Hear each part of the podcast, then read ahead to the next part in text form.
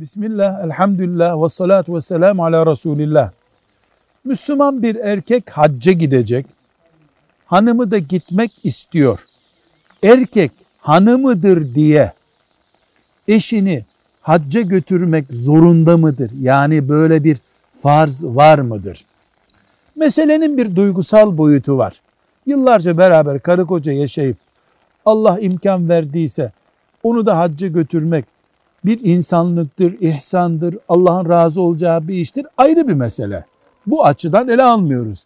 Zorunluluk mudur diye sorarsak cevap olarak deriz ki öğle namazını herkes kendisi kıldığı gibi haccı da kendisi yapar. Böyle bir zorunluluk yok ama duygusal boyutu, insanlık boyutunu unutmayız. Velhamdülillahi Rabbil Alemin.